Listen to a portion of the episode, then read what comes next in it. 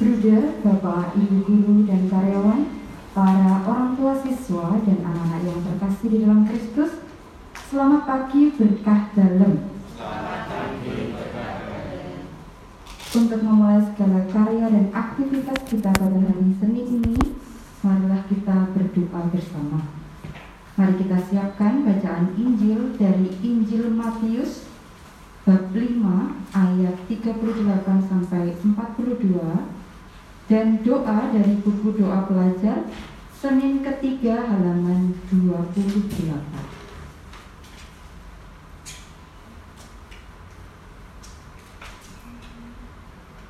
Allah adalah kasih dan kita mewartakan kasih dalam nama Bapa dan Putra dan Roh Kudus. Amin.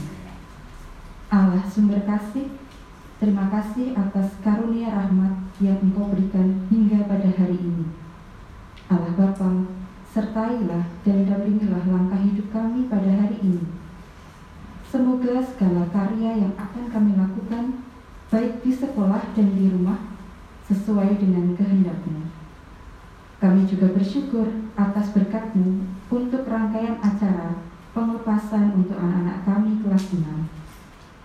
Bapa, mampukan kami untuk selalu mengucap terima kasih, tolong, dan maaf kepada rekan kerja dan saudara kami, kakak atau adik di rumah, seturut teladan Yesus Kristus Putramu. Amin. Inilah Injil Yesus Kristus menurut Matius. Tuhan. Dalam khotbah di bukit, Yesus berkata, Kalian mendengar bahwa dahulu disabdakan, mata ganti mata, gigi ganti gigi. Tetapi aku berkata kepadamu, janganlah kalian melawan orang yang berbuat jahat kepadamu. Sebaliknya, Bila orang menampar pipi kananmu, berilah pipi kirimu. Bila orang hendak mengadukan engkau karena mengingini bajumu, serahkanlah juga jubahmu. Bila engkau dipaksa mengantarkan seseorang berjalan sejauh satu mil, berjalanlah bersama dia sejauh dua mil. Berikanlah kepada orang apa yang dimintanya dan jangan menolak orang yang mau meminjam sesuatu daripadamu. Demikianlah sabda Tuhan.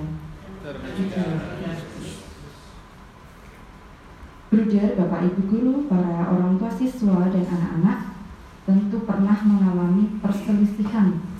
atau eh, tidak setujuan dengan teman sejawat, teman sebaya anak-anak dan saudara atau dengan saudara kalian masing-masing. Tentu rasanya mengganjal dan tidak enak hati. Perbedaan pendapat atau pemikiran menimbulkan ketidaksamaan karena masing-masing dari kita memang unik, berkarakter dan berbeda. Nah, bolehkah kita marah? Jawabannya boleh karena bentuk mengungkapkan ekspresi kita pada suatu hal. Namun perlu diingat Bolehkah kita memendam rasa kecewa atau marah yang begitu lama? Jawabannya adalah tidak. Misalnya anak-anak marah dengan saudara kalian di rumah.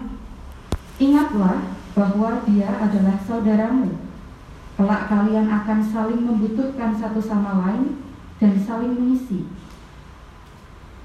Adalah tantangan yang tidak mudah ketika dihadapkan untuk mengedepankan kebaikan di tengah kejahatan mengasihi ketika ada kebencian, tetap setia ketika dihianati, membawa damai di tengah permusuhan. Apakah kita bisa melakukannya dengan kekuatan kita sendiri? Tentu tidak. Kita membutuhkan kekuatan Allah, daya juang yang berasal dari Allah sendiri, yang akan menuntun kita pada buah-buah kesabaran, kerendah hatian, pengampunan, pengertian, dan kemudian rasa amarah kita mereda. Seperti Allah adalah kasih dan tantangan mewartakan kasih Allah yang selalu kita perjuangkan dalam hidup sehari-hari, baik bersama mama, papa, kakak, dan adik di rumah. Amin. Mari kita lanjut doa pelajar Senin ketiga halaman 28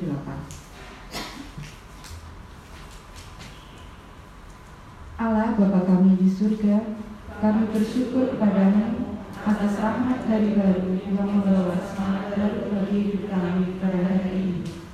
Bukalah hati dan hati kami agar kami siap melaksanakan kegiatan belajar di sekolah. Semoga lewat kegiatan belajar kami, iman, harapan, dan kasih akan semakin berkembang berkat kasih. Demi Yesus Kristus Putra, Tuhan dan Pengacara kami. Amin. Bapa kami yang ada di surga, dimuliakan